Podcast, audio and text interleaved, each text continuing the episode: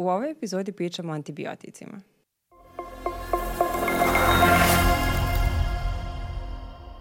Antibiotici su lekovi koji deluju protiv bakterijskih infekcija. Da bismo pričali dalje o antibioticima, moramo prvo zastati i objasniti šta su bakterije. Bakterije su jednoćelijski organizmi koji postoje ono, najduže na planeti, ima ih svuda, čak i u ljudskom organizmu. I, ok, one imaju svoju ulogu, na primjer u cevima olakšavaju metabolizam, ali kada dođe do infekcije, to je kada se izložimo nekoj patogenoj bakteriji ili kada bakterija koja normalno postoji u ljudskom organizmu dođe negde da ne bi trebalo da bude, onda dolazi do infekcije i potencijalno razvoja bolesti. Tako je i kada bakterija dospe u ljudski organizam, ljudi uglavnom misle da samo ta bakterija oštećuje da je ona odgovorna za sve te simptome, a u stvari je odgovoran naš imunološki sistem koji onda stvara te medijatore zapaljenja, citokine i prostaglandine i tako dalje i tako dalje. Tako da je imun, naš imunološki odgovor u stvari budi se kada ta patološka patogena bakterija kada uđe u organizam budi se i onda se kada se te bakterije razmnože onda se aktivira imunski odgovor i a, stvaraju se oni simptomi koji su nam svima vrlo dobro poznati. To, samo da objasnimo, patogena bakterija, to znači da je upravo bakterija koja će izazvati da. taj imunološki proces i reakciju i dalje potencijalno bolest. Tako je, ali kažemo, mogu i, i ove dobroćudne bakterije u našem organizmu kada se previše razmažu mogu isto da naprave haos. To, ili ona poznato, dosta ljudi verovatno čulo za Escherichia coli. Ona normalno postoji u crevima, ali uh, kada se ono, usled, na primjer, loše higijene nađe u vodi ili hrani, može doći do razvoja groznice, dijareje, takođe može izazvati urinarne infekcije, često izazivač, tako da usled različitih ono. Postoji mnogo razloga, ali da. Da, da, da, ta je veoma poznata i Helicobacter pylori je takođe veoma poznata i dosta i mladih ljudi ima to sad zbog sve bržeg načina života i zbog stresa. Baš dosta i mojih poznanika ima tu groznu bakteriju. I da, zato je važno da pričamo o antibioticima generalno baš su u širokoj upotrebi. To, ali možda bi neko rekao čak i preširokoj upotrebi. Da. Jer koliko god da ima potrebe da se oni koristi i imaju enorman značaj, um, i dalje um, nije uvek opravdano koristiti, jer vratimo se na početak, antibiotici su lekovi koji leče bakterijske infekcije. Tako znači ne virusne, ne gljivične, ne... Uh, na primjer, prehlada je vrlo često virusnog porekla. Da, čak u 75% slučajeva je, možda čak i više, ali da kažemo onako po literaturi, 75% je um, virusnog porekla, a ljudi često, pa čak Pa to ono, nešto mi je hladno danas, idem po antibiotik. Da, da, da, a često i a, lekari isto propisuju to i to sam baš dobila pitanje kada sam pripremala ovu, epizodu, a, zašto lekari propisuju a, lekove, te, to jest antibiotike tek tako. E sad tu postoje dva, dve grane. Jedna je da po iskustvu a, to rade zato što određene bakterije naseljavaju određena mesta u telu i tačno se zna gde će ona da ide, ali ja mislim da to ipak ne bi trebalo tako da izgleda i da treba da se prvo utvrdi da li je bakterija, pa onda tek. Ali kažem, kao kako zna kad vidi, ne znam, kod deteta a, tako i tako izgleda grlo, kako zna da baš taj antibiotik treba i onda je to neko, da kažem, empirijsko, iskustveno propisivanje, međutim, to je, može, to je mač sa dve oštrice i često nije opravdano. Uh, A, a s druge strane, šta je bilo, šta sam rekla? Zašto kod i virusnih infekcija neka? Da, često je to baš strah od bakterije i onda ljudi i odu i onako navale da dobiju antibiotik, često uzimaju od drugih ljudi ili svoju star, ne znam, nađu antibiotike od prošlog puta i to je baš neopravdano. Ja mislim da to, na primjer, virusne infekcije se većinski ne leče se ako... Ne pređu u bakterijsku. Da, ili ako Aha. nije ono, na primjer, HIV ili herpes da. ili tako nešto. Da. Ali ovo kad je prehlada, to nema... Simptomatski da, se samo leči. se leče simptomi, da. u smislu povišena temperatura, bol u grlu, tako je. kijevica, šta, šta još najđe. Ali dok se bakterijske infekcije leče. Da. I za to se koriste antibiotici. Evo, koronavirus je skoro bila aktualna tema i dalje je i mnogima je bio prepisivan antibiotik uz terapiju, iako je virusna infekcija.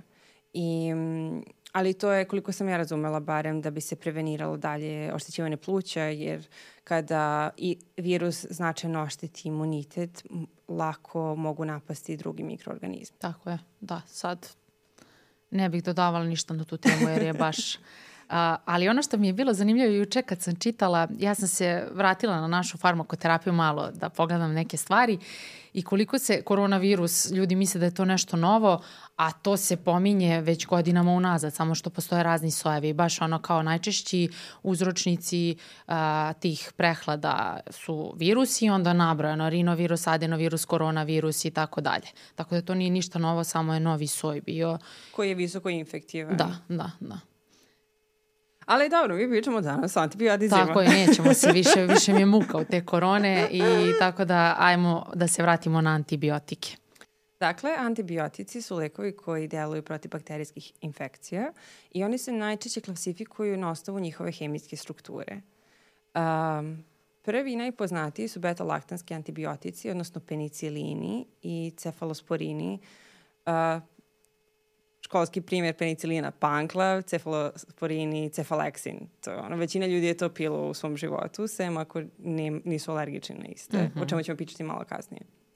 Nakon toga, to su makrolidi i njih ma, slični antibiotici.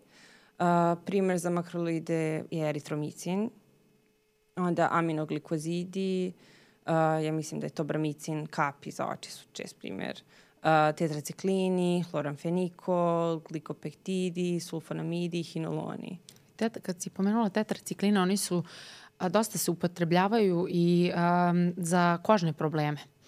I onda tu je isto jako važno pomenuti dobro si ih pomenula, ali tu doksiciklin se koristi često za tretiranje akni, iako često tu, ono što sam ja shvatila onako kroz priču sa ljudima, da oni ne shvate da mora da bude ograničeno i onda da postoji tačno ograničeno vreme i onda nastave jako dugo da ga piju, onda on naravno više ne deluje i onda im se vrate akne i onda oni opet uzmu i, ili tako, to je začarani krug. Da, I takođe, ono, mislim da ljudi kažeš antibiotici, aha, znači to je tableta koja se pije, a oni mogu da se primenjuju na milion različitih načina. Ono, da, intravenski. To, kapi za oči, hlorofenikol, ma za oči. Da. Uh, ti si spomenula zakne. Da, da, da, imaju gelovi, to. ali ne, baš ovaj zakne Aha. se pije. A, okej, okay, okej. Okay. Peroralno, ali kaže možu, da mogu i ono losion sa klindamicinom, to smo svi koristili kad smo bili na, u srednjoj školi, onda kao kad smo shvatili da tako doprinosimo uh, širenju rezistencije na antibiotike, onda kao, ok, prestaćemo. e, ali kao, ok, to je na osnovu njihove hemijske strukture, znači to su, svi lekovi su u suštini neka jedinjenja i imaju svoju posebnu građu i na osnovu toga su dalje razvijani. Da. Ali šta oni zapravo rade? Znači, antibiotici imaju različite mehanizme dejstva i ovi beta-laktanski antibiotici ili glikopektidi, fosfomicin, uh, oni deluju tako što inhibiraju sintezu ćelijskog zida bakterije. To je, sad to kad, znači? pomenemo, kad pomenemo bakterije, one se, onako, one se dele na gram pozitivne i gram negativne bakterije i uh, gram pozitivne bakterije imaju deblji taj njihov zid, uh, sastavljen od peptidoglikana, a gram negativne bakterije imaju tanji sloj. I sad, uglavnom, kada pričamo o antibioticima, onako uopšteno, ima sad tu dosta i detalja, ali generalno kada pričamo uh, o tome kako deluju, oni deluju ili na gram pozitivne ili na gram negativne bakterije ili na obe. Tako da, šta si rekla tu? Uh, pomenula um, si koje... Da. Na primer, penicilini sprečavaju stvaranje tog peptidoglikana, tog bakterijskog zida, tako što aktiviraju određene enzime. I onda kada on spreči nastanak, to je sintezu tog ćelijskog zida, bakterija je gotova. Znači, Jer nema šta, dalje. ona ima samo taj zid. Samo zid ima unutra svoje jedro gde se nalazi genetski materijal i kada joj uništiš zid, ono se gotova je. Umrla je. I mamo je. I tamo tu kad smo pomenuli imamo antibiotike koje deluju baktericidno, odnos, odnosno a, ubijaju bakterije, a imamo one koje deluju bakteriostatski, odnosno sprečavaju njihovo razmnožavanje.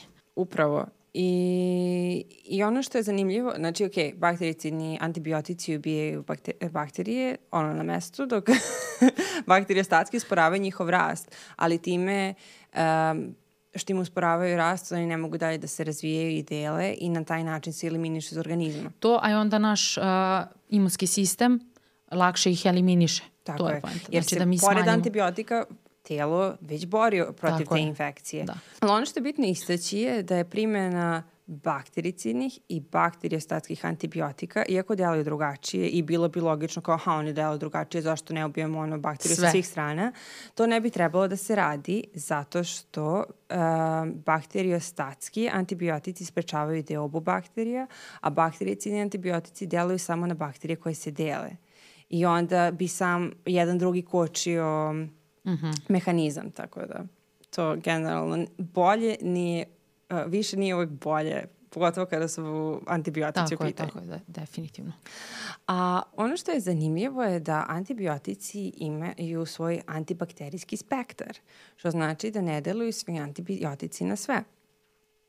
I To je ono što smo malo pre već pomenuli, da određeni deluju samo na gram pozitivne bakterije, određeni samo na gram negativne, a i generalno posebne, sad imamo listu, ogromnu listu bakterija patogenih i neće svaki delovati na svaku. Tako je. Mislim, postoje i neki antibiotici sa širokim spektrom dejstva, a, jer deruju i na gram pozitivne i negativne, a, ali opet oni se ne koriste za sve i ti antibiotici se neretko čuvaju za posebne slučajeve kada ovi prehodni ne upale, a i takođe neki od njih su dosta toksični, tako da iako ono... Imaju neželjenih efekata dosta. Upravo. Tako da ako ne mora neko da prolazi kroz tu, tu torturu, bolje da ne prolazi kroz Tako isto. je, da, da. Kada si pomenula te antibiotike širokog spektra, ja bi se tu osvrnula na one koji se čuvaju za te neke specijalne a, situacije, pošto, na primjer, u bolnicama imamo a, nozokomijalne infekcije, to su one koje se a, javljaju u bolnicama i te a, bakterijske infekcije su otporne na većinu antibiotika, zato se ti a, posebni antibiotici čuvaju u, a, baš za te komplikovane, da kažem, bakterijske infekcije i a, njih ne može osoba da dobije na recept, one se primenjuju samo u bolničkim uslovima, samo lekari mogu da ih primenjuju. A, na primer je vankomicin, on je čuvan jako dugo kao taj koji može da pomogne a, u onom poslednjem mogućem scenariju. A, međutim, ono što je jako a, strašno jeste što je, su neke bakterije postale rezistente, rezistentne i na vankomicin. I tu sam ja pročitala jedan naslov koji je mene onako malo uzdrmao i kao, ok, nećemo da zastrašujemo ljude, ali opet s druge strane treba da se zna da će do 2050. godine kao da se procenjuje da će obične bakterijske infekcije biti češći uzrok smrti nego kancer, baš zato što a, ne, ne koristimo antibiotike kako treba s jedne strane, a s druge strane to je evolucija gde se bakterije razvijaju onako nekom brzinom svetlosti. Ne bih Se da uplašila. zastražujem, ali da, Pa nije mi sve jedno. Ali da, s jedne strane kao, ok, ljudi, to nisu bombone i treba da se plaše primene na, svoj, na svoju ruku i da is, kad odu kod lekara je ok, ajde da odradimo bris prvo pa da vidimo šta dalje, ali dobro, dotaći ćemo se i toga posebno, da, treba da zastrašimo malo ljude kad je to u pitanju jer je stvarno otišlo predaleko. Da, ali hajmo, ok, odlična prilika je da objasnimo šta znači. Ok, pomenuli smo rezistenciju na antibiotike, odnosno otpornost bakterije na antibiotike. I sad, to, to se dešava i prirodno. Bakterije, je. kao i svi drugi organizmi oko nas, se razvijaju i prevazilaze prepreke u svojoj okolini da bi, da bi napredovalo u životu. A, ali s druge strane, neracionalna, odnosno iracionalna primjena antibiotika dovodi do brže evolucije Tako je. bakterije na taj način. Da. I baš zato što je Saška spomenula da postoji ovaj veliki rizik, iako sada svima deluje šta, razbolim se, popijem antibiotik 7 dana, ja sam car, a, ako se to dešava previše često i kad ne treba, a, prosto, m, Podstiče se prosto više razvijanje. neće biti ono popiješ antibiotik 7 dana, ja sam car, već se mučeš. Da, da, neće delovati. I kažem, banalne infekcije će biti ugrožavajuće za život, ali kad si pomenula a, antibiotsku rezistenciju, načine na koje nastaju, a, tu postoje tri načina kako dolazi do toga. Prvi je taj koji si ti pomenula, znači a, prenošenjem bakterije između ljudi i prenošenjem i tom iracionalnom upotrebom. A, druga jeste a, prenošenjem gena za rezistenciju između samih bakterija i to je ono što je onako najproblematičnije. Da, definitivno, zato što to je evolucija. I treće jeste prenošenje gena za rezistenciju unutar same bakterije. I ja bih se samo svrnula na ovo šta se dešava između bakterija, pošto je meni to bilo onako fascinantno, jer svi pričamo to o nekoj rezistenciji i nikad niko ne objasni onako detaljno, meni nikad nije bilo dovoljno i ne znam, ja sam sebi nekako uspela da dočaram to na tom nekom bakterijskom nivou. I to je važno i kasnije i za tu kliničku upotrebu i naučnici već detaljno istražuju sve te procese, ali ajde da pokušamo onako malo na jednostavni način da dočaramo i opštoj populaciji. Bakterija jeste jedno ćelijski organizam, kao što si pomenula, i ona ima u sebi jedru. I u jedru ima hromozome, odnosno nosioce tog genetskog materijala. Van jedra oni, bakterije sadrže plazmide. To je isto neki taj genetski materijal koji se nalazi van jedra i pojedini plazmidi nose gen za rezistenciju i oni se nazivaju R plazmidi ili ti R geni. I sad, postoji više načina na koji bakterija može a, da prenese drugoj bakteriji i onaj koji je meni bio najzanimljiviji, i ne samo što je zanimljiv, on je i najproblematičniji, a, jeste putem konjugacije. Šta radi bakterija? Znači, bakterija uglavnom priđe sličnoj vrsti, svojoj vrsti, priđe bakteriji i onda se stvori tubul, odnosno kanal između dve bakterije i a, to se nazivaju a, polni filamenti ili ti seks pili. I sad bukvalno a, jedna bakterija prenosi taj gen preko tog kanala drugoj i onda ta druga bakterija će da ode kod tamo neke treće bakterije i tako se to dešava i uglavnom, da, to se uglavnom dešava između a, iste vrste, međutim može da se desi i da bude drugačija vrsta i da bakterija menja tog, da kažem, domaćina i a, ti plazmidi koji se menjaju među, između različitih vrsta se nazivaju promiskuitetni plazmidi, čak i u literaturi, da, pa, tako i zvuči. bakterije žive svoj najbolji život. bakterije, znači bukvalno imamo promiskuitetne plazmide i to je jedan od najčešćih tih uh, najproblematičnijih mehanizama za nastanak rezistencije u tom smislu nekom evolutivnom. Uh, I ti plazmidi sad, kad ih već pominjem da idemo onako do kraja, ti, taj proces se naziva konjugacija i ti plazmidi se nazivaju konjugativni plazmidi. Postoje još, um, još dva načina, to su transdukcija i transformacija, ali kažem, to nije toliko problematično, čak nije ni toliko zanimljivo, ali eto čisto da dočaramo koji je to proces između bakterije. Znači one stalno komuniciraju, to su mali organizmi, ali jako pametni i stalno se dešava ta neka rezistencija i to se može desiti da čak i a, imamo te rezistentne a, plazmide koji nose gen za rezistenciju i oni pokupaju ove druge plazmide i prenesu. Znači pokupe svašta nešto iz te bakterije prenesu u drugu. Tako da mislim da sam, ja, ja sam bar sebi dočarala, mogu nekako da vizualizujem šta se dešava tamo. Pa jeste, mislim, to je to. Bakterije komuniciraju između, jedne između drugih tako što prenose te plazmide kroz određene tunele, odnosno tako tubule i tako se prenose uh, različita svojstva. Da, A da. neke od tih svojstva prosto prevazilaze dejstvo antibiotika da. koje mi sada imamo. I bukvalno se mnogo brže razvijaju od nauke. Tako je. I od ono razvoja leka. Opet kao... I to je samo jedan, izvini što te mhm. prekidam, ali to je samo jedan od načina, to su genetski faktori za nastanak rezistencije. A imamo i biohemijske faktore, zatim imamo a, da bakterije promene to mesto za koje bi se inače lek vezivao one promene nešto, isto tako na neki način, one promene a, mesto osetljivo na lek ili promene mesto a, za koje će lek da se veže. Takođe imamo i a, opciju da dođe do smanjene akumulacije antibiotika u bakterije i poslednji način jeste da one stvore neki novi put kojim će potpuno da izbegnu de, taj lek, dejstvo, njegovo dejstvo će da izbegnu.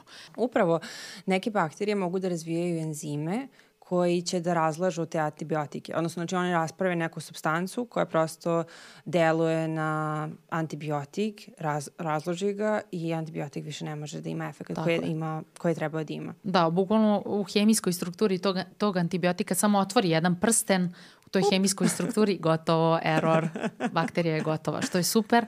Ali ono, opet kao da ne širimo paniku, da. tako to funkcioniše, ali um, ako neko ima bakterijsku infekciju i jedna bakterija slučajno razvije te mehanizme, ne znači da ako je neko već na terapiji da će ono da će sada dođe do eskalacije, već terapija će da pobije ostale Tako je. bakterije, a ova će možda da se izluči na vreme prirodno, to jest imunološki odgovor može da... Da, da. Tako Poenta da, je da uništimo taj veliki broj bakterija da bi imunski odgovor mogao da Upravo. Tako da, Naš sistem je jako pametan. da, ali opet ne želimo da pomažemo bakterijama da postaju Da. sve bolje i bolje. Da. želimo, da, ono, želimo da sarađujemo sa njima zato što oni imaju ulogu u našem telu koja je um, Ogromna. enormna Tako takava. je. Ali opet ne želimo da ih razbešnjavamo. Da ih ra razmazimo. želimo da budu ljute Da. i razmažene, Da. kenkave. Ali ono što, uh, krenut ćemo uskoro na šta, onda, šta znači racionalna primjena antibiotika, kako, se ponašati tokom antibiotske primjene. Ali mala digresija pre toga, a to su uh, Uh, žela bih samo da skrenem pažnju na određena svojstva antibiotika, a to je da im je efekt zavisan od koncentracije. Mm -hmm. Znači, kada se antibiotik pije, um, postoji razlog zašto se antibiotik pije lupam na sva... Postoji razlog zašto se antibiotik pije, uh, na primjer, na svaka četiri sata, uh, zato što ako se unosi na svaka četiri sata ili na svaki šest sati ili jednom dnevno, tako se postiže određena koncentracija tog antibiotika u krvi ili gde god u organizmu, koja, i to je efektivna koncentracija da bi antibiotik delovao na određene bakterije kako treba. A, I to je uh, minimum koncentracija da on bude efikasan, a, a da se izbegne da se izbegnu njihovi neželjeni efekti ili neka toksična svojstva. Tako je, šta bi nas pitali ljudi, šta se desi kad popijemo antibiotik? Znači, popijemo antibiotik, jako je važno da popijemo onako kako je lekar rekao i kada su određene grupe u pitanju, da se prime, generalno treba da se primenjaju sa punom čašom vodom tačka. Neću da širim priču. Uh, uglavnom popije se, onda dospe u želudac, zatim pređe iz želuca u tranko crevo i pređe u krvotok. I onda se dešava to sve što si ti ispričala, da on ide, da treba određena koncentracija da bude konstantna u krvotoku da bi on mogao da deluje i da uništava te bakterije. Kako se to i zašto se pije na 4 sata? Zato što će nakon 4 sata ta prva doza da se metaboliše putem jetre, odnosno da se aktivni metaboliti, to jest aktivna substanca će da postane inaktivna i da se eliminiše putem zavisi bubrega, da, putem bubrega i putem urina, uglavnom, i a, zato je onda vreme za novu dozu. Tako je. S druge strane, neki antibiotici, a, znači nije ono što, što popiju da je aktivno, već nekad je ne, produkt metabolizma, ono što je Mhm. aktivna substanca. I, I u tom smislu neće antibiotik jače da deluje ako vi ga pijete na dva sata umesto na Da. šest sati. Već prosto njima je efekt zavisan od vremena i koncentracije i doze se prepisuju u skladu sa tim. Tako da antibiotik se pije u određeno vreme Sa E, ozbiljnim razlogom. Tako je. Nije to niko izmislio, nego su to ozbiljne tada naučne najbolje studije. deluje. Tako je, da, da. E, kada smo to raščistili, um, ja bih prebacila fokus na mere za borbu protiv rezistencije, to je za kontrolu i sprečavanje nastanka otpornosti bakterija na antibiotike. I tu postoje različite strategije, ali neke generalne su da e, počinje se od kliničkog nalaza. Znači, kada se postavlja dijagnoza da li treba primenjivati antibiotike i koja i koja bolest je uopšte u pitanju, kreće se od kliničkog nalaza. Znači, koji su simptomi i znaci, da li postoji povišena temperatura, upala grla, da li postoje neke nalaze na grlu, da li, uh -huh. ono, šta, šta još može biti simptom bakterijske infekcije. Um, I nakon toga se radi mikrobiološki nalaz, da se utvrdi da li je uopšte bakterija prisutna. Da, a, utvrđuje se šta je iz, izazivač infekcije. Uh -huh. I, I- onda se, I onda tu kada, kada utvrdimo šta je uz, mislim, kada se utvrdi šta je izazivač infekcije, onda bi trebalo da se odradi antibiogram. A, to je test gde se taj, a, na, taj bris uzme i zaseje se u petrijevu šolju, to je jedna mala staklena, onako kao poklopac izgleda, samo što je stakleno i onda se tu poređaju razni antibiotici i vidi se onda tačno na koje a, koji od njih deluje. I to se vidi tako što uh, onaj antibiotik koji deluje na tu bakteriju, oko njega će se stvoriti um, krug, ono, uništit će te određene bakterije, a vidjet će se i onaj koji ne deluju i onda imamo tu klasifikaciju da imamo uh, oni koji su antibiotici uh, na koje je ta bakterija rezistentna, oni se označavaju kao R, uh, imamo i kao intermediate, tu i tamo deluje, i sensitive, one na koje je osetljiva, znači da, bakterije su onda osetljive na te antibiotike i to je odlična stvar jer se onda vidi koji antibiotik treba da se propiše toj osobi. Da li je to tako u praksi? Uglavnom nije. To sam čula generalno i od dosta ljudi i to su me baš i pitali kad smo se e, pripremali za ovu epizodu kao kako znaju, ok, to si rekla, prvo ide klinička slika, neke bakterije stvarno znamo gde su, gde će da dođu, gde nastanjuju, koji deo tela, ali opet mora da se vidi koji je najefikasnije. Bilo bi super kada bi se to češće praktikovali u praksi. Jeste, mislim da dosta ljudi kao, znam zašto bi dao doletnih hiljada dinara da, da. radim antibiogram, a s druge strane nekad i lekari obeshrabruju. Pa, ja sam sad i to i više mislila na lekare, nisam mislila sad ovde na ljude. Jeste, Jer zašto da. bi jedan prosječan građanin morao da zna da mora da radi antibiogram? Ok, mi sad pričamo o tome i znaće, ali zašto bi prosječna osoba morala da zna? Tako da ovo je na zdravstvenim radnicima i na zdravstvenom sistemu. Upravo. Um, I ok, utvrdilo se da neko ima bakteriju koja je izazivač infekcije i vidimo na koje antibiotike ta bakterija je rezistentna, znači otporna je već na te antibiotike da. i koji deluju protiv te bakterije. Dolazimo do sledećeg stepena, to je izbor pravog antibiotika. I pored to svojstva bakterije koje treba da se leči, na izbor leka utiče i glavni put izlučivanja, kao i mogućnost njegove primene u trudnoći i laktaciji. Mm -hmm. A naravno, na osnovu svojstava tog antibiotika koji se izabere, se bira i način primene. Znači, to ne mora biti samo tableta, već može ići i intravenski, može ići intramuskularno, znači kao injekcije. Um, Takođe, nekad se desi da su infekcije nisu sistemske, već su i lokalne, mm -hmm. tako da može biti infekcija oka ili kože ili a, nekog drugog dijela tela, tako da je bolje onda primjenjivati lokalnu a, a, terapiju za tako nešto. Ako neko ima infekciju oka, ne mora da pije pankla sedam dana, već se primenjuje nešto drugo. Tako i takođe um, vaginalna bakterioza, se tako kaže? Mislim da. Da, kada se tu normalna flora poremeti, kada se razmrži mnogo tih dobrih bakterija, onda se takođe isto neće piti antibiotik, nego će se primenjivati lokalno zajedno sa možda nekim antimikotikom, odnosno lekovima koji sprečavaju rast gljivica. I kad si pomenula tu isto tako i od, ne, zavisi i od neželjenih efekata Upravo. A, primena. Različiti antibiotici imaju različite neželjene efekte, najviše imaju na gastrointestinalni trakt i od toga isto zavisi koji će antibiotik da se propiše. Da, um, ako uglavnom je strategija da se koristi jedan antibiotik ako može, ali nekad kada je um, komplikovana infekcija ili ako je jako rezistentna bakterija, se i pribegava kombinacijama antibiotika, ali opet to je u posebnim slučajevima i ne treba i da se piju različiti antibiotici na svoju ruku zato što želite da se rešite bolesti da. što pre. Tada se utvrđuje i režim doziranja, što ima veze sa onim o čemu smo pričale mm -hmm. malo pre. Um, jako važno da se ispoštuje i čak i kada se osjećamo bolje nakon primene treba da se nastavi sa primenom baš onoliko koliko je lekar propisao zato što ok, možda je uništen određeni broj bakterija, vi se sad osjećate bolje, ali one se jako lako i brzo razmnožavaju. Tako, tako da je. to A, znači, trajanje lečenja mora da se poštuje. Ako me bolje posle 5 dana, terapija traje 10 dana, terapija se ne obustavlja posle petog dana, već se pije ono, svih 10 dana e, koliko god da je navedeno doza u toku dana. Da, da.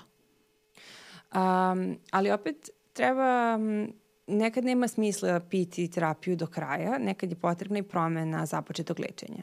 I kada se započne primjena jednog antibiotika posle 2 do 3 dana, a, se utvrđuje da li postoji povoljni klinički efekat ili ne. Znači, ako efekat ne postoji, nekome nije uopšte bolje posle dva ili tri dana, nekad nema smisla nastaviti s tom terapijom, mm -hmm. već se treba obratiti svom lekaru za potencijalno razmatranje promene terapije. Tako da ima smisla menjati terapiju ako lek ne pomaže. Tako Ali ako lek pomaže, ne treba prekinuti terapiju ranije. To i uz naravno konsultaciju. Apsolutno da, ništa na svoju ruku. Tako je. Uh, iako je subtono ove epizode dosta strašan.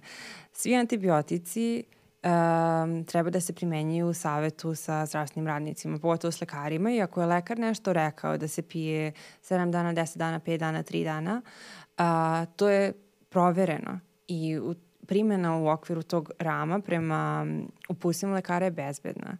Tako da ne treba neko da se plaši, ali opet treba biti svestan i potencijalnih neželjenih efekata nekih antibiotika. I antibiotici generalno kao i svi lekovi, pogotovo što je ova široka grupa lekova, imaju različita neželjena dejstva u kojima se može pročitati u, na onom sažetku kada otvarate kutiju i Da, onaj za papir koji se pacijenta, uporno da. bori sa vama i neće da Da se pusti zaklopi. da.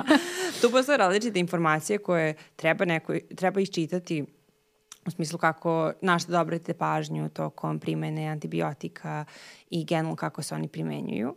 Ali ono što jeste dosta, što ume da zastraši ljude uh, je, na primer, uh, primjena antibiotika i alkohola. Kao, Mhm. na antibioticima ste, ali biste želi da izađete ove subote i da li smijem da pijem alkohol, kao i, kao i, koji, i da li će neki antibiotici sa alkoholom imati različite reakcije. Da, to je pitanje koje ja često dobijam i generalno, kao što smo rekli, nije sto puta do sad, nijedan lek nije bezbedan u kombinaciji sa alkoholom, antibiotici posebno i to a, određene grupe antibiotika. Ja ću prvo da ispričam zašto, pa ćemo onda reći koji antibiotici su u pitanju. Kada se određeni antibiotici koriste sa alkoholom, dolazi do disulfiramske reakcije. To je neželjena reakcija koja može da bude opasna po život. Um, disulfiramska reakcija s- je u stvari dobila naziv po leku disulfiramu, koja se inače koristi a, u terapiji odvikavanja od alkohola.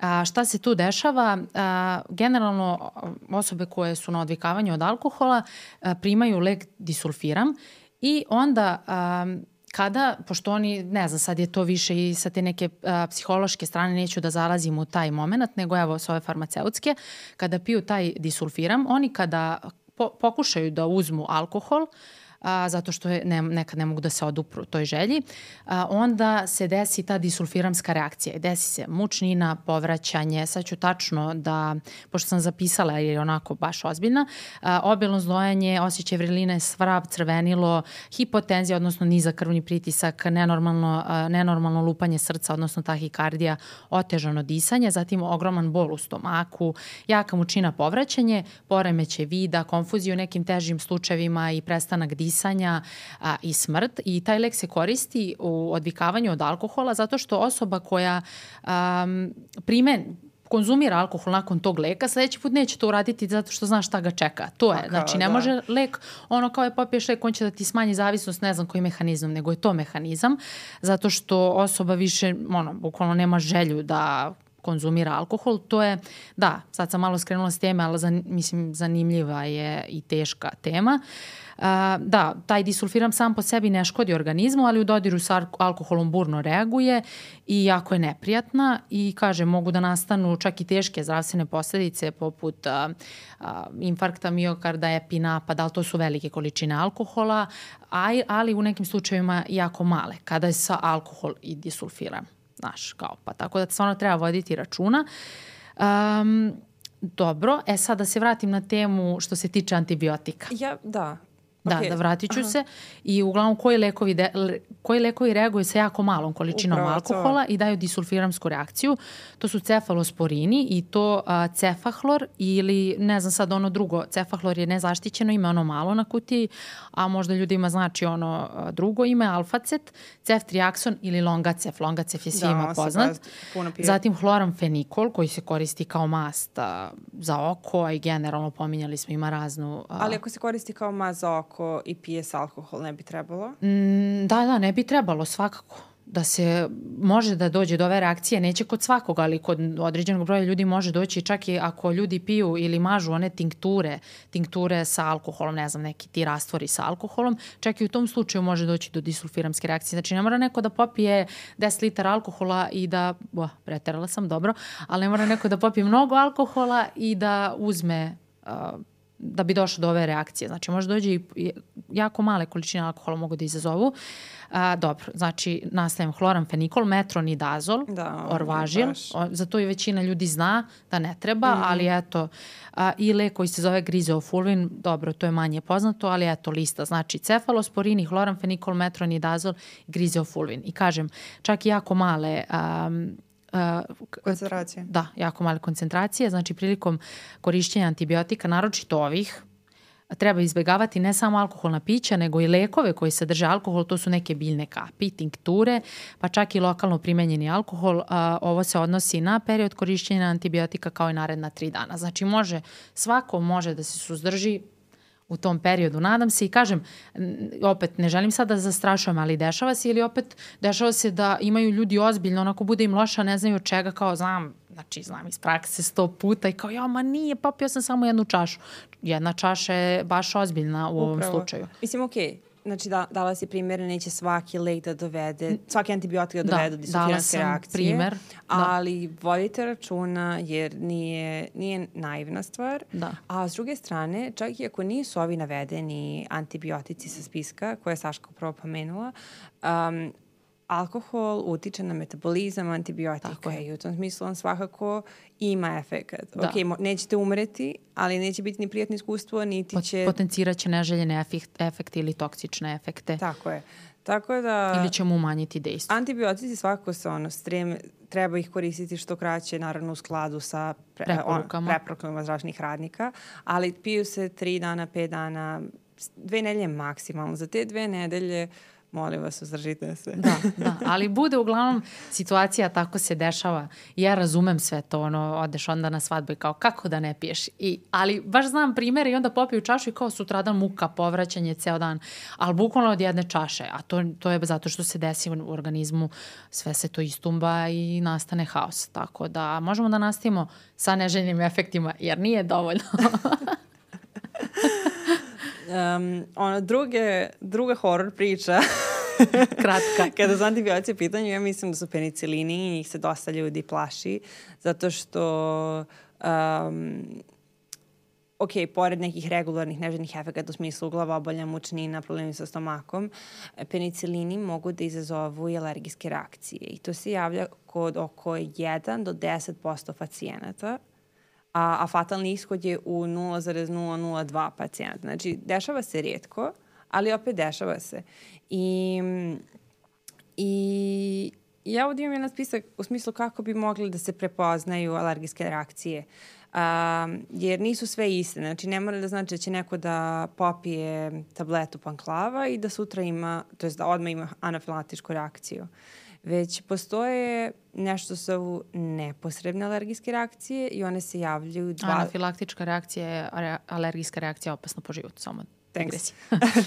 dakle, znači, postoje, postoje različiti tipovi alergijskih reakcija na lekove i kada su u pitanju alergijske reakcije na pelicilin, postoje nepo, neposredne alergijske reakcije koje se javljaju 2 do 30 minuta nakon primene.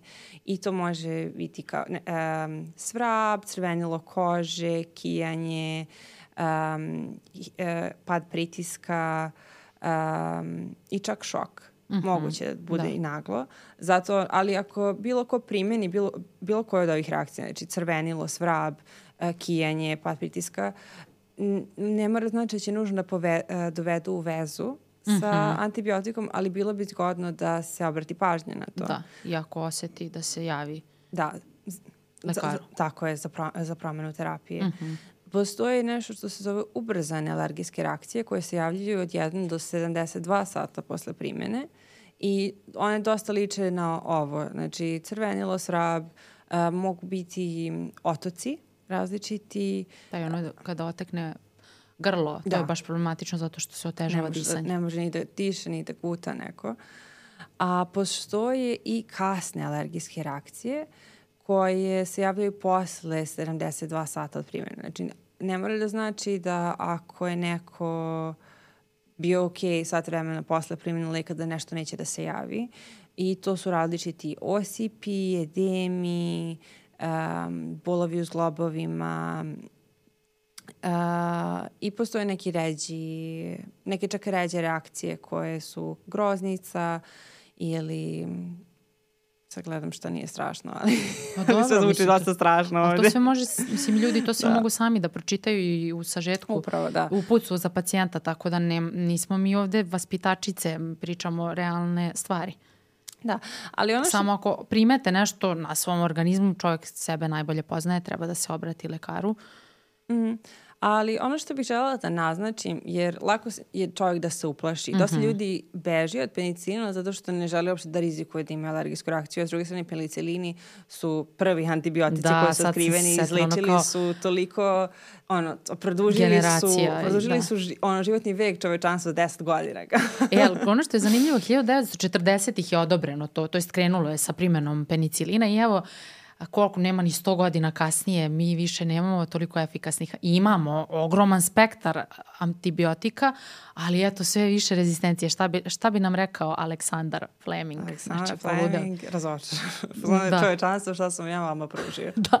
Ništa, Izne, izneverili ste. Ali sad kad si pomenula alergijsku reakciju, to nekako i uh, znam ono još dok smo mali bili, to se nekako registruje u tom uh, periodu dok smo deca i naravno može i kasnije da se pojavi. I znam da stalno pitaju, to je prvo pitanje svuda, da li ste alergični na peniciline ili nešto, na bilo koji lek i onda se to zapisuje, to se negde i vodi evidencija, i, ali a, ja pitam kao kako kako ljudi da znaju, moraju da prate. Tako Ako je. nikad nisu bili, može da se desi i kasnije. Tako je. Ne mora, uglavnom neće. Ali. I takođe, E, postoji, postoji mogućnost da neko misli da ima penicilsku reakciju jer je imao možda kad je bio dete, ali zabeleženi su slučajevi da su se kod ljudi razvijale uh, alergijske reakcije, a zapravo je samo bila loša serija antibiotika. Da, možda neka pomoćna substanca bila loša. Da, ili... mislim naravno to se dešava vrlo redko da. i sve ređe zato što se svi lekovi testiraju i mnogo je napređena tehnologija, ali eto ako je neko uh, a, pre 30 godina kad je bio dete mislio da, da ima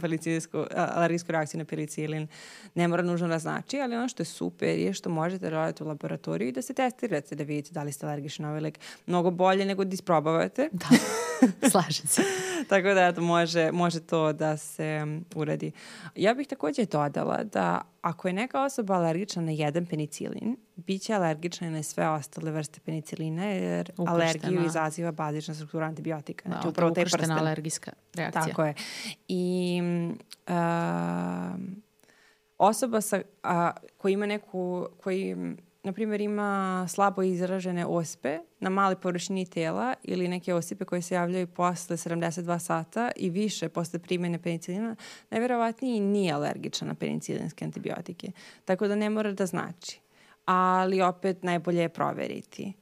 Um, To i preporučujemo proveru u laboratorijskim da. uslovima. Postoji, ona ti spomenula unakrsnu senzibilizaciju sa cefalosporinima, znači oni su slični antibiotici uh, i to iznosi oko 5 do 15%, ja mislim, mada uh, pa dobro, novi studiji nije... ukazuju manje, to nije uh mhm. -huh. puno. Tako Ali da, nije ni malo. Pa Kad se nekom malo. desi, onda mislim, je da. Treba da. proveriti, ali dosta ljudi koji su alergični na peniciline i dalje će moći da koriste mm -hmm. cefalosporine, tako da treba voditi računa, ali nije da ono ako je neko alergičan na peniciline neće imati antibiotik kojim da se leči. Kao, mm -hmm. Ima različiti grupa, čak i ove sličnije će verovatno moći da se koriste sada možemo da nastavimo sa neželjenim efektima leka i ono što je najzastupljenije jesu gastrointestinalne tegobe, odnosno problem sa digestivnim traktom, dijareja, mučnina, povraćanje, to je negde najzastupljenije i kako to da se spreči to, to bi trebalo sad malo da, u nekim slučajima, da, antibiotici su lekovi koji jako često izazivaju to i, i šta, kako možemo, koji način da to uh, suzbijemo ili smanjimo i generalno um, antibiotici, to je meni bilo baš zanimljivo kada se primenjuju, da utiču na tu crevnu mikrofloru i 2 do 6 meseci posle. U, da, Zato što znala. antibiotici, a, ok, uništavaju patogene bakterije i te što su se previše namnožile, a uništavaju tu našu crevnu zdravu mikrofloru i onda zato u priču ulaze probiotici, prebiotici, sad ćemo to malo detaljnije da a, razjasnimo, a kada se primenjuje prebiotik i da, kada god se pije antibiotik trebalo bi da se koristi probiotik, ja znam, ljudima je a, više preko glave i onih rekla, reklama sa televizije, ali stvarno ima smisla zato što će se smanjiti ti neželjeni efekti. A, probiotik predstavlja, da kažem, skup tih nekih živih mikroorganizama, tih dobrih bakterija koje će da zauzmu mesto i da zauzmu mesto tim lošim bakterijama. Znači, i sprečit će a, da se unište sve te dobre bakterije, da kažem, u, u, u a, stomaku. Uh, um, i koji, sad postoji mnogo tih probiotika, uh, ljudi me uglavnom pitaju koji da uzmu. I najbolji je uh, Saccharomyces boulardii, to nam je svima poznato, ono bulardi svi znaju. Meni je to najbolje zato što um, ne moraš da razmišljaš kad ga piješ. Znači možeš bilo kad, znaš, ono ima priča, ovaj treba dva sata pre, dva sata posle, ovaj uz hranu, ovaj bez hrane. Uh, pravilo je kao da se koristi dva, generalno ti svi probiotici dva sata posle antibiotika kako ne bi tu došlo do neke interakcije, međutim ovaj bulardi može kad god, to je, Upravo. to je dobro. Ja bih možda samo dopunila zašto se to tako koristi, jer uh mhm. -huh. antibiotik, znači on deluje na bakterije. Mi u crevima i generalno našem gastrointestinalnom traktu imamo bakterije i onda antibiotik popijemo ga, on prođe kroz crijeva i on pobije bakterije sa sobom.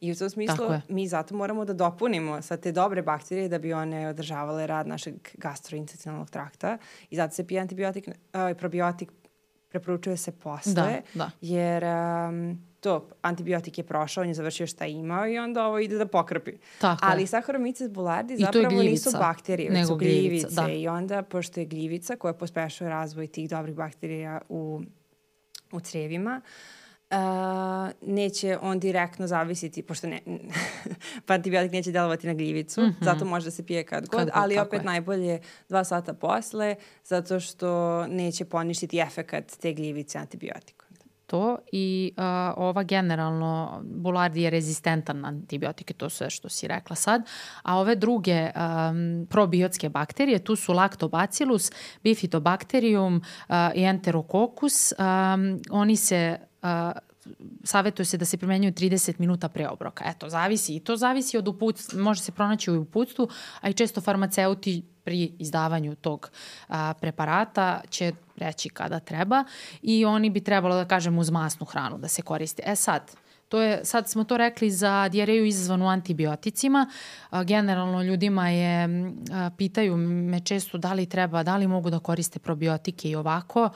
Mogu, mislim, mogu, ali kao ako žele da poboljšaju tu crevnu mikrofloru mogu, neće da škodi. A, takođe postoji i hrana koja ima ta probiotska svojstva, a, to je jogurt, kiseli kupus, a, zatim a, pomozi mi ako se setiš nečega razni sirevi, a, šta još može, ne znam, sad imaju one neke a, kako, ona kombuha, kako se kaže, da se kod nas kombuha, kombuća, ne znam, ona, ne znam čije je to. Zvuči, to. zvuči poznato, da. Ne, ali kažem, to su one sad, imaš da kupiš i to. A, šta još ima, ne znam, tu sam ja malo tražila, kimči, ja ne znam šta je kimči, to je neka ne znam čija hrana. Korejska. da, eto ti znaš, ako, šta je kimči, molim te? Kimči, ja mislim da je kiseli kupus korejski. Pa eto, ja kažem lepo kiseli kupus, oni me tu Oni tebe uče redu, kao kefir, šta ovo neka. da, kefir i jabukovo sirće može da pomogne. I da, sad smo mi ovde pričali o... Ali mislim da je jogurt ono da, nešto što je, svi čuli, prvi. to se svima da, preporučuje. Jogurt i kefir. Kefir da. mislim da je čak bolji. E sad, kad su uh, probiotici u pitanju, znači mi smo sad pričali o, o ovoj uh, dijareji izazvanoj antibioticima. Postoje razni tipovi dijareje i onda u zavisnosti od toga i, i kod dece, da li je ili kod odraslih, da li je putnička dijareja, uh, ne znam, da li je akutna dijareja, da li su neke inflamatorne bolesti creva, od toga će zavisiti koji probiotik je dobar i zato sada ne bi smo a, pričali ovde ove saharomice, slaktobacilus i tako dalje, to je stvarno farmaceuti u apoteci znaju i reći će vam koji je zašta dobar i to je to ako baš želite i posle. I a, reci, vidim da... a, pa tela sam da pitam, ok, spomenuli smo da je eto, jogurt, dobar izbor, dobar izbor um, kao probiotik, mm -hmm. ali da li onda treba primjenjivati jogurt sa antibiotikom?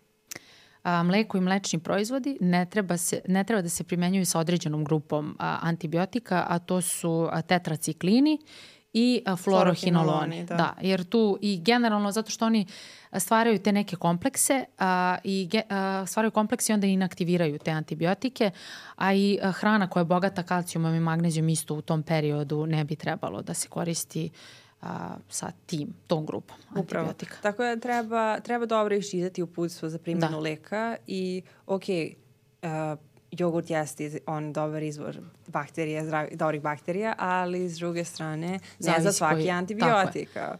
I a, pitanje je a, koliko dugo za ljude koji žele da vrate svoju crevnu floru u normalu mogu da piju probiotike, koliko je kao preporučljivo, a, dve do četiri nedelje posle te jedne a, jednog ciklusa antibiotika, a i generalno mogu da, ako nisu ove dve, ove dve grupe antibiotika, mogu da ubace i tu hranu. I ono što ljude zbunjuje jeste što postoje probiotici, prebiotici i sinbiotici.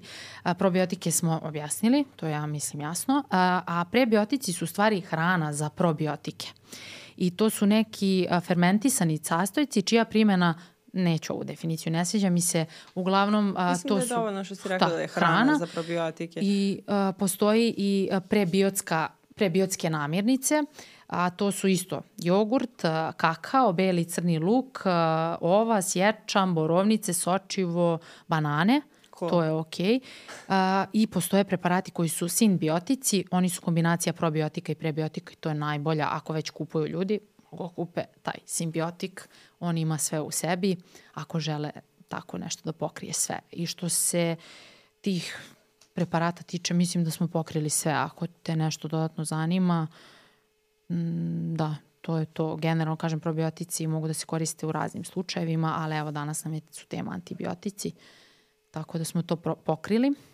A, ja bih još jedino dodala, m, većina antibiotika, ja mislim, da zapravo nisam sigurna. Kao znam da prebio, probiotike često savjetuju da bi trebalo da se primenjuju s hranu, ne uvek, ali često, dok za antibiotike uh, uglavnom bi trebalo na prazan stomak, sem ako nisu neki antibiotici koji imaju teške neželjene, neželjene efekte i onda kao da se ublaže mučnine, onda se preporučuje da se primenjuje uz hranu ili da. uz I to da ne bude nešto ekstremno začinjena i da, da ne bude sok od grejpa da. ili tako nešto, da.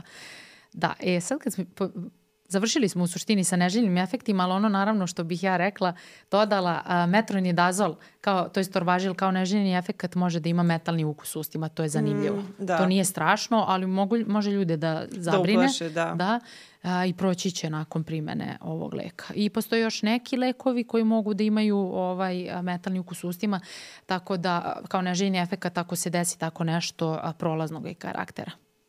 Ja bih možda dodala vezano za antibiotike i trudnoću, uh mhm. -huh. jer generalno to naravno ako se trudnica razboli i mora da primenjuje antibiotike, sve ovo će biti u dogovoru sa lekarom, ginekologom, um, ali, ali postoje neki antibiotici koji su bezbedniji u tom smislu ako se trudnica razbola i dalje ima lekove za njih i kao, ili ako neko tokom tru, uh, dojenja se razboli takođe ono moći da primenjuje terapiju i preporučuje se cefalosporini i penicilini, ali sa moguć, mogućim izuzetkom tikarcilina, zatim astronam i eritromicin sukcinat. To su kao neki bezbedniji lekovi koji se takođe, ja mislim, ne izlučuju putem leka, tako da, mm -hmm.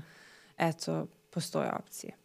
A možda bi bilo zgodno sad kad smo, ok, obra, uh, prošli smo sad ovaj teorijski deo, ali šta ovo sve praktično znači? I kako ljudi da se ponašaju možda kod nekih najčešćih situacija iracionalne primene antibiotika? Prvi on, školski primjer su prehlade, za koje smo rekli da su mnogo češće virusnog, um, vir, da. da je virus izazivač, a ne bakterija. Tako je kako ljudi da se ponašaju i šta da rade u tom slučaju?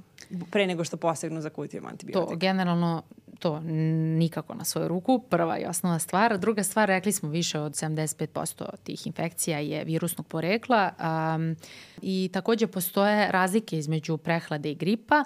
Uh, grip uglavnom izazivaju uh, influenza A i B. Uh, sada ćemo prvo pričati o prehladama. Uh, generalno prehlada je odgovor organizma na infekciju, odgovor imunog sistema um, i tu imamo različite simptome. Uh, Prvo imamo nazalne, nazalnu kongestiju, odnosno zapuši se nos, kašalj, refleks skijanja, znači zato što dođe do oslobađanja tih raznih medijatora pa se sve u organizmu poremeti, ali to nije toliko strašno i to će proći za 5 do 7 dana. Moguće komplikacije jesu akutni bakterijski sinuzitis, znači tada je opravdana upotreba antibiotika i to je u 1 do 5% slučajeva, to je jako mali procenat.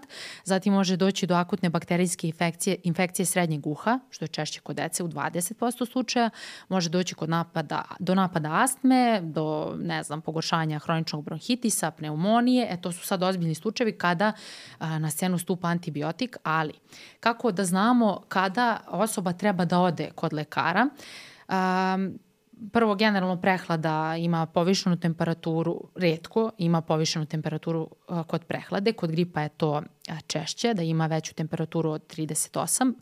Zatim tu su neki simptomi glavobolja, prisustvo bola, zamaranje, slabost, iscrpljenost. Svi znamo kako se osjećamo kada smo prehlađeni, međutim to nije razlog da koristimo antibiotike. Kada je vreme da se ode kod lekara, ako osjeća jaku frontalnu glavobolju, znači u predelu čela, zatim neki jači bol u uhu ili bol u uhu, teškoće pri gutanju više od tri nedelje, to je ozbiljno stanje.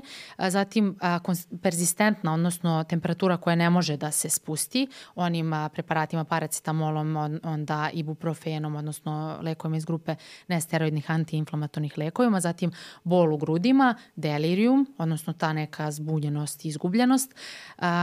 Ako je samo medikacija koja je dozvoljena, to ćemo se vratiti, ako je korišćena više od 7 dana bez uspeha, onda je vreme da se ode kod lekara.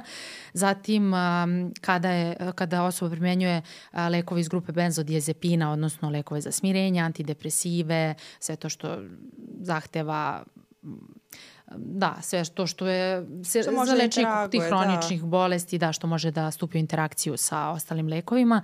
A, zatim, ako se te gobe ponavljaju posle završene te terapije, koju je a, osoba a, na osnovu prethodnog iskustva, znači ovde ne pričamo o antibioticima, nego o simptomatskoj terapiji. A, zatim, ako imamo nedovoljnu kontrolu simptoma, pacijenti koji imaju neku hroničnu bolest, trudnice i dojlje i osobe koji su starije od 60 godina treba da posete osete, ali da kažem ta neka grupa ljudi a, između, ne znam sad, ajde, neću da nagađam, a, ako se osjeća simptome prehlade, može prvo da se počne sa tom nekom simptomatskom terapijom, koja a, uključuje ono, Savetovanje kako? Odmorite se, supica, zatim nos se ispira fiziološkim rastvorom, ishrana bogata voćem, povrćem i tako dalje. Rutinska primena antibiotika se ne preporučuje kod prehlade i gripa, nije mi teško da ponovim sto puta i tu je neka suplementacija, vitamin C generalno ne može nešto mnogo da pomogne, tu se ljudi zavaravaju, ali malo na početku ja bih tu savjetovala pojačajte Voće, citruse. Da, tako je, da. limonada, da. Pomoranča, mandarina. Tako je, tako je. Um, I naravno, uh, savjetovanje ako želite simptomatsku terapiju, ok, ne, sto puta smo do sad bili prehlađeni, pa znamo koji preparati se koriste, ali nije nikad loše posavjetovati se sa farmaceutom u apoteci. A kod dece, kod pedijatrijske populacije ne treba preterivati sa unosom tečnosti, e, nego održavati adekvatnu hidriranost, to roditelji znaju bolje od mene, pošto ja nisam roditelj, ali dobro. Zatim ispirati nos fiziološkim rastvorom, zatim tu su isto neki ti suplementi koje se dobijaju u, tokom, mislim, farmaceut će da a, preporuči onda primjena gela na bazi men mentola, kamfora i etarskih ulja. To se na grudi stavlja i znamo ono kao da to deci dosta pomaže. E sad, što se tiče terapije, može se uh, ubla, Koristi se terapija za ublažavanje tih nazalnih simptoma, odnosno narodski rečeno kod zapušenog nosa, koriste se različite kapi. Tu je jako važno da se pomene da i oni moraju da se koriste a, tačno određen vremenski period od 5 do 7 dana zato što može doći do evo, nastavi do razvoja zavisnosti. Tako je, da. I onda sam po, taj akutni problem prerasta u hronični da. problem da. i ljudi moraju da koriste kapi konstantno zato da. što im se naporavljaju suzokoža, da. tako je. Zato što ono, da, bukvalno dovoljno neka dve nedelje da osoba postane nezavisna od tih da, kapi za nos. Da, ali ono šta, to samo kapi za nos, da. meni je mnogo bolje, da. a prosto ne ne mogu da se koriste sve kapi hronično. Ako imate, na primjer, alergijske probleme, onda će koristiti kapi koje su za alergiju i mogu da se koriste duže. Tako je. Ali ako su ovo za otpušavanje nosa, neki kapi prosto ne. Da, različite su substance koje ulaze u sastav tih kapi. A, dobro, nećemo ulaziti u detalje, znači kapi za nos 5 do 7 dana. Zatim imamo a, za ublažavanje kašlja, Znači da. imamo a, zavisnosti... I to da li je suvi, kaže, tako ili... Je, ili je produktivni. Da. A, I u zavisnosti od toga koriste se različiti preparati. A, za produktivni kašalj se koriste ekspektoransi. A, znači za iskašljavanje. Tako je, za iskašljavanje. A, a i tu su, a, imaju neke, nabrojaću zato što je to važno za... Slobodno. A, tu su acetilcistein, karbocistein, uh, dobro, bromheksin, dobro, neću da nabrajem, stvarno uglavnom preparat će vam izdati farmaceut. a, antitusici su za suv kašalj i a, to je ono kad nema šlajma, kad je, ja mislim da... Svi znamo ono, Pa kad da, ali, neko šta? iskašljava dušu, a nema šta da, Da. iskašlje. Kao. Da, suv kašalj, da. Um, dobro, i to će uglavnom, ne uglavnom, nego farmaceut tačno zna, on će da vas pita kada dođete kakav vam je kašalj i na osnovu toga će vam dati preparat. Da. I mislim da je ona Ili- asocijacija za to, na primjer, um, beli slez. Tako je. Da. Beli slez je za suv kašalj, a bršljan može i kod jednog i kod drugog, što je super zato što onda ne moraš da razmišljaš. Super, da. Da. A, zatim glavobolje, bol u mišićima, paracetamol, ibuprofen mogu. A, takođe za ublažavanje bola u grlu imamo pastile, lozenge i razne one a, te pastile koje se sisaju i onda sprečava, smanjuje taj bol. Ne treba nam antibiotik za to. Da, i generalno drže grlo vlažnijim u smislu manje trenja i manje iritacije. Tako je, može inhalacija. I imamo tu biljne lekove za ublažavanje simptoma. A, to je ono što smo malo prepomenuli. Suvi ekstrakt lista bršljana, to će vam dati u apoteci. A, da, i šta smo rekli, još beli slez i generalno tu će sad, mislim, piše tečni ekstrakt korena južnoafričke muškatle. Mislim, stvarno, wow. Egzotično. U, da. Ali, ali, Ali farmaceut stvarno tu ima ogromnu ulogu i stvarno žele da pomognu, žele svakako, ali tu trk kod farmaceuta i daće vam super proizvod ili ako želite samostalno, pošto ono kao Upravo. I eto, Saška je nabrala toliko primjera terapije, prehlade, koja, znači, nije antibiotik, već postoji toliko stvari koje neko može da proba. Ja mislim da dosta ljudi ne želi da rizikuje, želi samo da se izleči što pre, Što pre i da onda nastavi antibiotik sa- odmah, ja ne sam da izlazim s posla, ja ne sam da propustim školu, ja ne sam ovo, I ne napravi veći ono. problem. I onda samo to, pije antibiotik koji ne radi to što treba, može čak i da ono, vam povredi gastrointestinalni trakt i trošak je objektivno kupiti to Da. nabaviti i onda posle još piti anti, ovaj probiotik još četiri nedelje posle. Već ovako treba proba, probati da se leče simptomi, a ako se simptomi ne izleče ili ne poprave, odle se kod lekara i lekar onda preporuči dalju terapiju. Da, ali to je problem što mi tako, tako sad svet funkcioniše kao ne možeš da priuštiš sebi dva dana odmora, jer kao ne može, međutim često je to Mora. odgovor Mora. i telo govori kao daj ostavi me više na miru, sad ću da ti pravim haos, odmori se, inače ćeš biti Tako je. prehlađen. Mora, mora da se rađuje sa svojim telom, ne može, ne može da. jedno bez drugog. Kao. Da. Ali, ali s druge strane postoje i neke situacije kada su ljudi zapravo primorani da koriste antibiotike i mislim ono, do, evo ja prvo sam iracionalno koristila antibiotike, u čemu je bilo, sit- e, šta se desilo. Uh, imam... Slušam ispovest. Pa bukvalno, ne želim da ispričam ovo zato što sam se ja osjećala izneverena od strane zdravstvenog sistema, a imala sam ozbiljne probleme, imam i dalje. Imaću ga verovatno do kraja života, zato što su mi svi lekari kojima sam se obratila na kraju rekli pa to ne može da se sredi. Kao.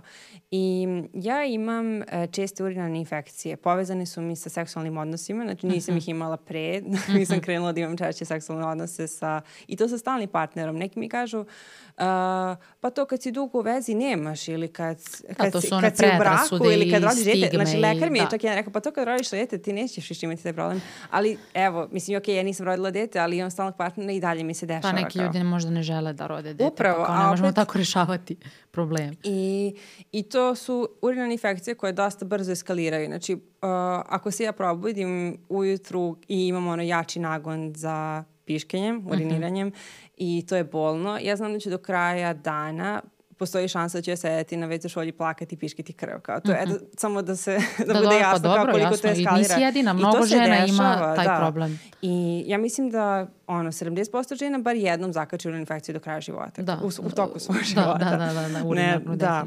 I zato što Tako to da- su te normalni Upravo. stanovnici koji I deš, dešavalo mi se čak i da budem hospitalizovana zbog toga zato što ih nisam lečila na pravi način. Jer su mi rekli, pa sok od brusnice, Da, čaj, et- ovo. ono, pi čajeve, e, vitamini, hrani se zdravije, odmara i topla oblak. I okej, jeste, to ublažava simptome, ali ako je agresivna infekcija, to možda neće da pomogne. I dešavale su mi se na svakih ono par meseci. Um, utiču ti ozbiljno na kvalitet života. Jeste, i imaš stres, zato što, ono, ako ja spavam sa svojim dečkom, da li, znaš, ja Da, ne mogu da se opustim, zato što razmišljam o tome da li se razbojati sutra, prek sutra ili kad Da, već. da, da, jasno. Um, I ono što, mi se, što je najveći bio problem, zato što ti lekari kažu, Pa ti više ni ne moraš, ja sam stalno odem, radim urin, antibiogram da vidim šta se dešava, ali s druge strane dok ja odem da, dok ja sačekam do jutra da bi dala urin i sve, meni se pogoršaju simptomi i onda ono, agonija se nastavlja. A lekari su mi onda rekli kako imaš toliko akutne reakcije, pa nemoj da radiš urin i antibiogram, da su urinu kulturu, već samo, samo kreni da piješ antibiotike. Ali znaš, ti ne znaš ni koji antibiotik trebaš da, da piješ. Da. Mislim, ok, mi smo farmaceuti, mi imamo neku svest o leku, ali kao neko ko nije obrazovan, u tom znaš, farmaceutskom smislu, koji antibiotik, da. ni koliko dugo, znaš, nije za svaku infekciju ista dužina trajanja, ista Tako učestalost. I opet, meni u većini slučajeva to bila ešerihija. Ešerihija je gram negativna bakterija, znači uh, to ona zahteva poseban pristup, posebne lekove, ali moja ešerihija je postala rezistentna na ono, većinu lekova koji su za gram negativne bakterije od česte upotrebe. I onda sam morala ono, da tražim druge načine. I redko koji lekari, znači ja sam išla kod urologa, um, su otvoreni za saradnju, jer ja sam ono stalno nailazila na neke predloge šta sam čitala na internetu, jer moraš da se informišeš da optimizuješ da, svoj da. kvalitet života. Su ono, na kraju dana pa ti probaj, pa vidi, pa se snađi. Kao, tako da, mislim, ja sam se sad, ono, a, ne bi... Adaptirala. Pa nisam se adaptirala, ali sam našla neku terapiju koja meni odgovara i rešava mi, ono, na minimalan način što što treba, ali mislim da dosta ljudi um, prolazi kroz takva stresna da, iskustva sa, i kao prosto da. nema šta. Ali kao, okej, okay, ovo ne treba da bude nekom izgovor koji ima prehladu, da bude uzmano, pa ne želim da mi eskalira popit ću antibiotik. Da, da. Kao prosto prehlada mora da se leče simptomatski, ali s druge strane kod nekih ljudi je i opravdano jer ne postoji bolja terapija a iz, ono, ispušteni su od strane zdravstvenog sistema i samo žele da, da imaju normalan život. Da, kao pomisliš kao a, urinarna infekcija, ma šta, ništa, ali kad ti se desi, onda ti je katastrofa i utiče ti ozbiljno na kvalitet života. Jeste, kao strašno je. I to, kao češće se javljaju kod žena, ali javljaju se kod muškaraca, da, kao da. to je prosto jedno jako neprijatno iskustvo. Da, da. I, a opet je malo i tabu, kao niko ne želi da priča o tome, zato što je ono vezano za genitalnu regiju. Da. Kao, i, I sve ono kao jedna velika neprijatnost. Jeste ali zato smo tu da pričamo o tome i da pokušavamo da dođemo do nekih odgovora na, da. na pitanja, na razna pitanja koja postavljamo i mi i opšta populacija. I, I to. ono što bih takođe dodala, kao, ok, čak i ako ti se desi da si ti ono, izneverena od strane zdravstvenog sistema, ne smeš da odustaješ od njega. Jer da. je i dalje mnogo bolje juriti lekara za savet, za pomoć, za podršku, tražiti lekara koji će se nego baviti vašim problema, problemom. Tako je, nego nekog nadre lekara, nekog ko vam e, nudi ono čudesna rešenja za sve vaše Čajne probleme. Čajne mešavine koje uopšte nisu, Tako mislim, je. Jer to može da samo pomogu, da ono, nastavlja taj ciklus sramote gde ćete vi sve manje da se obraćate stručnjacima zato što vam je neprijatno kroz to šta ste prošli i ne da. želite da. i, i samo, samo će prosto ono izazivati druge mislim... Drugi problem. Pa druge pa neprijatnosti, da, da. da. Tako da, a, iako naš zdravstveni sistem nije sjajan, Uh, on ima sjajne individualce i kao ja sam svašta naučila i o svom stanju zato što je neko hteo da se bavi time i okej, okay, možda nisam našla sve odgovore na to, ali i da, da tražim. Tako da nije ovo, i ovo što sam ja prošla opet nije bilo sve na svoju ruku kao da. već dosta je toga sam ja naučila i iščitavanjem literature i saradnjom s lekarima i farmaceutima i, ti si farmaceut, i čuješ, da. I da, i čuješ iskustva drugih ljudi i drugih zdravstvenih radnika i učiš o svom stanju i telu i bolestima i da I da, ne zaboravi da si ti farmaceut. Pa mada, pa mada jako je teško lečiti sebe. To se ni ne preporučuje, ni sebe, sebe ni... i sebi svoj, ona, svoje bližnje. Svoje bližnje, da... da, zato što tu uglavnom nastane haos. Mislim, ali nekad je to, eto, neophodno. A da zaključimo mi ovu epizodu sa, a, osim, ne znam da li smo imali još nešto, ali mislim da je to mislim to. Da, da. Da zaključimo, a, nemojte koristiti antibiotike na svoju ruku. Niste samo vi krivi za, na, nismo samo mi krivi za nastanak antibiotske rezistencije i bakterije su jako pametna stvorenja. Tako je koja stvaraju, nalaze na, razne načine Stalno da nas nadmudre da. i mnogo brže napreduju od um, nauke, ali i nauka napreduje brzinom svetlosti, tu su u nekoj trci, tako da slušajte, uh, dobro se informišite, slušajte zdravstvene radnike, ako imate pitanja postavljajte ih, ne treba da, da vas bude sramota. A, nastavi. E, I zanima nas da li postoje neki drugi lekovi kojima bi se žali da čujete više. Da.